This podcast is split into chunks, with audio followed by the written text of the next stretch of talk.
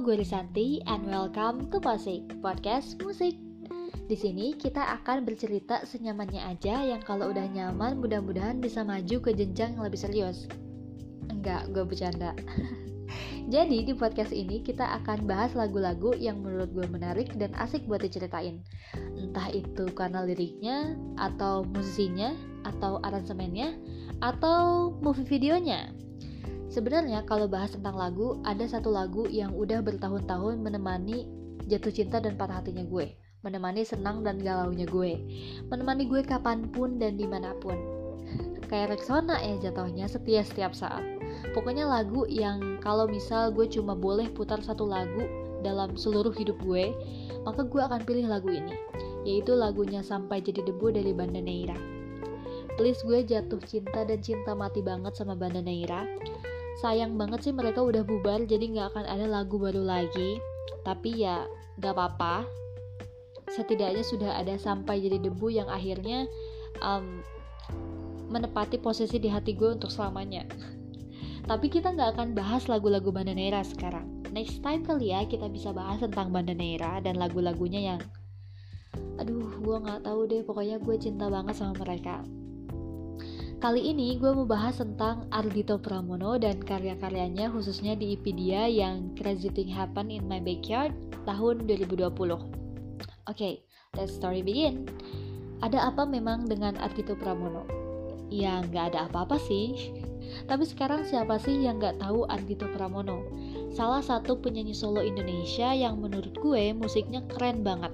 Lagu-lagunya sangat menyenangkan dan easy listening, dan lirik-liriknya juga bagus banget belakangan lagu-lagunya dia jadi konsumsi anak muda khususnya di Indonesia.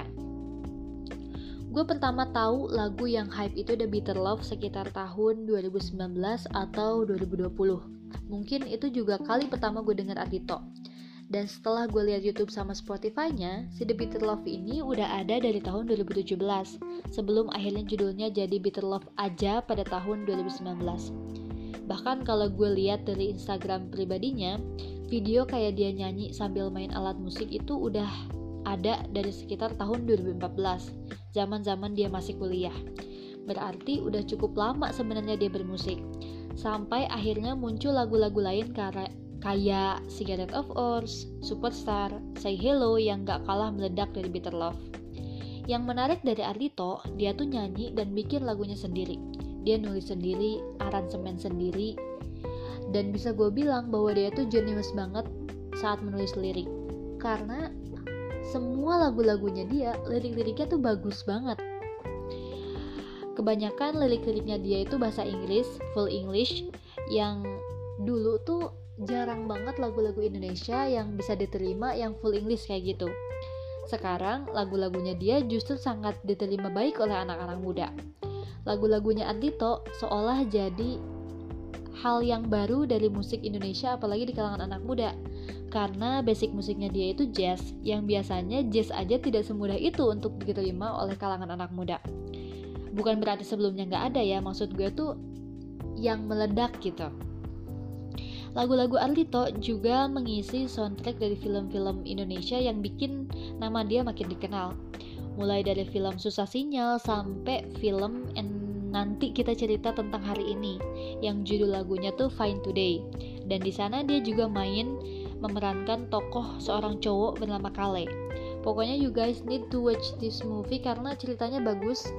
Um, la, film ini diangkat dari sebuah buku yang judulnya sama dan gue sangat terbawa perasaan waktu nonton film ini. waktu 2019 filmnya rilis gue nonton di salah satu bioskop di Bandung. Dan ini tanpa gue melebih-lebihkan pokoknya saat itu hampir semua penonton di teater gue nangis. Entah mungkin banyak yang merasa relate dengan cerita di film ini atau gimana gue juga nggak paham. Waktu lampunya nyala pas film selesai itu mata orang-orang kayak sembab banget abis nangis gitu paham gak sih? Pokoknya sedih dan lucu di satu waktu sih Kembali lagi ke Ardito Pramono. Dari perannya sebagai Kale, dia banyak dapat atensi dari masyarakat karena ternyata aktingnya dia juga bagus bos. Sampai-sampai si Kale ini dibuatin um, film pendeknya sendiri yang judulnya Story of Kale When Someone's in Love yang merupakan spin-off dari tokoh Kale di film NKCTHI tadi. Mantep kan? Mungkin karena antusias masyarakat yang cukup besar ya terhadap Ardito, jadi dibuatlah Story of Kale ini, yang juga melahirkan dua lagu yang lagi-lagi booming dari soundtracknya yaitu I Just Couldn't Save You Tonight yang dia nyanyi sama Aureli, lawan mainnya di Story of Kale, dan satu lagi judulnya Sudah. Dan lagu yang sudah ini enak banget banget setelah gue dengerin lagu-lagu Ardito, jujur emang lagu-lagunya enak, aransemennya asik, lirik-lirik yang dia tulis juga bagus dalam pemilihan katanya. Dia seolah bisa membuat um, jalan cerita yang runtut dan bagus dari setiap lagu-lagunya. Mungkin karena dia juga merupakan lulusan perfilman di Sydney, jadi dia bisa nulis lirik menjadi sebuah lagu yang um, isi ceritanya itu terarah dan jelas. Ditambah MV yang dia buat selalu bikin si cerita lagu ini makin terasa karena tervisualisasikan dengan baik. Yang unik lagi, dalam beberapa lagu, dia bisa membuat lagu yang sedih jadi terdengar menyenangkan karena aransemen musiknya dia buat happy. Keren banget deh. Nah, ngomongin tentang EP yang Crazy Thing Happen in My Backyard yang tadi di awal udah gue sebut-sebut, dari EP-EP dia yang lain, lagu-lagu dan movie video di EP ini sangat menarik perhatian gue. Khususnya jalan cerita yang coba Ardito buat terasa sangat bagus dan terarah gitu. Ada total 5 lagu di EP Crazy Thing Happen in My Backyard ini, mulai da mulai dari Trust Talking, uh, 9 to 5, Here We Go Again atau Fanboy, Plaza Avenue dan terakhir Happy. Kenapa gue suka EP ini? Karena lagu-lagu dan aransemennya enak dan terkesan gak pasaran dan liriknya udah jelas pasti bagus. Gue gak gue nggak bisa meragukan kemampuan Ardito dalam menulis lirik karena lirik dari lagu-lagunya selalu bagus. Tapi yang bikin akhirnya gue merasa bahwa EP ini menarik banget adalah setelah gue mendengar dan juga menonton movie video dari lagu-lagu di EP ini. Di sini gue mau mencoba menceritakan betapa kreatifnya dia membuat um, antara lirik, aransemen dan juga visualisasinya jadi sebuah cerita yang harmonis gitu. Kalau lo belum denger EP ini dan belum tahu movie videonya kayak gimana, kayaknya lo juga nggak akan nyesel deh buat denger dan lihat videonya dulu supaya cerita kita setelah ini akan lebih relate dan seru. Oke? Okay? Kalau mau nonton dulu boleh, atau kalau nggak mau juga nggak apa-apa, dengerin gue aja sambil lo bayangin sendiri. Pas pertama nonton dan denger, selain nada dan liriknya gue suka, selebihnya kayak ya biasa aja, nggak ada yang aneh. Mungkin karena gue belum masuk di jalan ceritanya. Tapi pas gue denger dan nonton lagi, mulailah memahami jalan ceritanya. Lagu-lagu ini mulai jadi potongan-potongan cerita yang runtut dan mulai utuh. Pertama, movie video dari lagu Trust Talking. Di sini ada seorang cowok yang lari-lari keliling di tengah hutan sambil bawa koper yang isinya tuh tulisan karir-karir gitu. Bener-bener cuma lari-lari doang. Kameranya dibuat acak-acakan uh, dan gue pusing sih nontonnya. Buat lirik dari lagu ini full English dan kurang lebih terjemahan ceritanya tuh kayak gini. Jadi ada seorang cowok yang udah punya istri dan anak, tapi si istrinya itu selingkuh di belakang dia. Padahal suaminya ini udah kerja keras banget buat keluarga. Segitu aja buat cerita dari lagu Cross Talking. Intinya tuh si cowok ini diselingkuhin sama istrinya. Lanjut ke lagu yang kedua yaitu 9 to 5 di MV pada lagu ini di awal scene lagu ini kita akan melihat uh, Ardito Pramono memerankan seorang cowok gitu yang mana cowok ini tuh uh, cowok tadi yang gue ceritain The Trust Talking yang lari-lari di MV 9 to 5 Cowok ini lagi duduk di kasur kamar tidurnya sambil ngitung uang yang entah itu uang siapa. Soalnya uh, lirik pasien ini itu uh, show show it to me your salary yang artinya liatin gue gaji lo gitu. Dan di lagu ini banyak pengulangan lirik I'm just a guy works 9 to 5 yang artinya gue tuh cuma cowok yang kerja dari jam 9 sampai jam 5. Um, di movie video lagu ini diceritain cowok ini bangun pagi berangkat kerja terus pergi ke tengah kota buat jualan life insurance pokoknya dia kayak bawa-bawa pelang dia jualan life insurance gitu. Nah di tengah scene itu ada lirik yang is there someone waiting on for me? Setelah itu dia papasan sama seorang cewek random gitu dan udah gitu udah aja. Pokoknya di 9 to 5 itu dia ceritanya cuma bangun pagi terus dia kerja jualan life insurance dan dia ketemu sama cewek random. Udah itu udah selesai. Nah masuk ke lagu Here We Go Again. Ini sih yang menurut gue salah satu movie videonya yang oke okay karena ceritanya mulai jadi seru di sini. Singkat cerita, di scene awal video ini kayaknya si cowok yang tadi yang jualan life insurance itu udah uh, pacaran sama cewek random yang gue ceritain dia papasan waktu di MV 9 to 5 nah di awal-awal ada tulisan goodbye Jane. Samar-samar diliatin pas kamera nge-shoot muka si cewek ini. Kayaknya nama cewek ini Jane deh.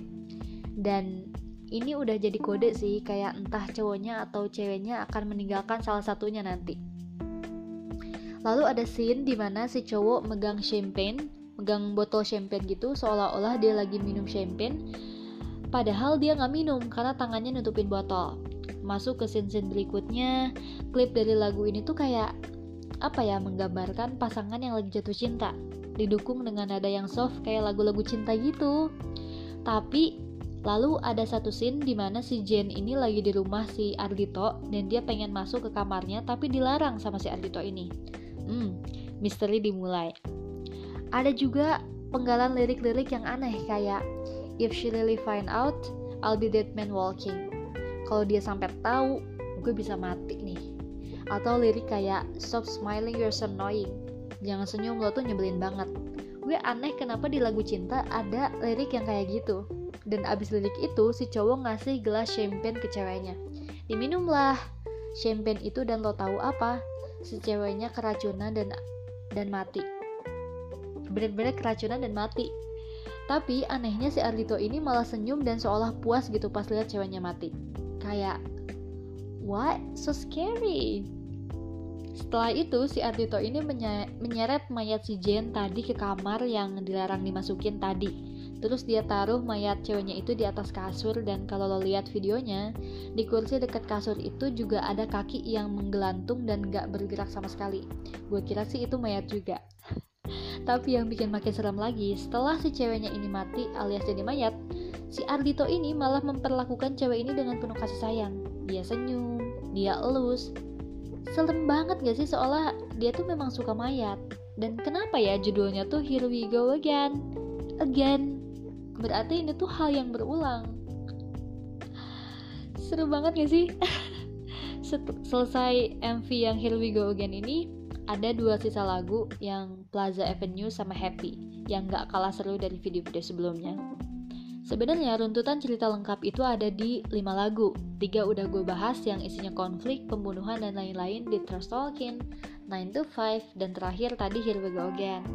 Dan sisa di dua lagu lagi lo bisa tonton dan kasih tanggapan lo sendiri.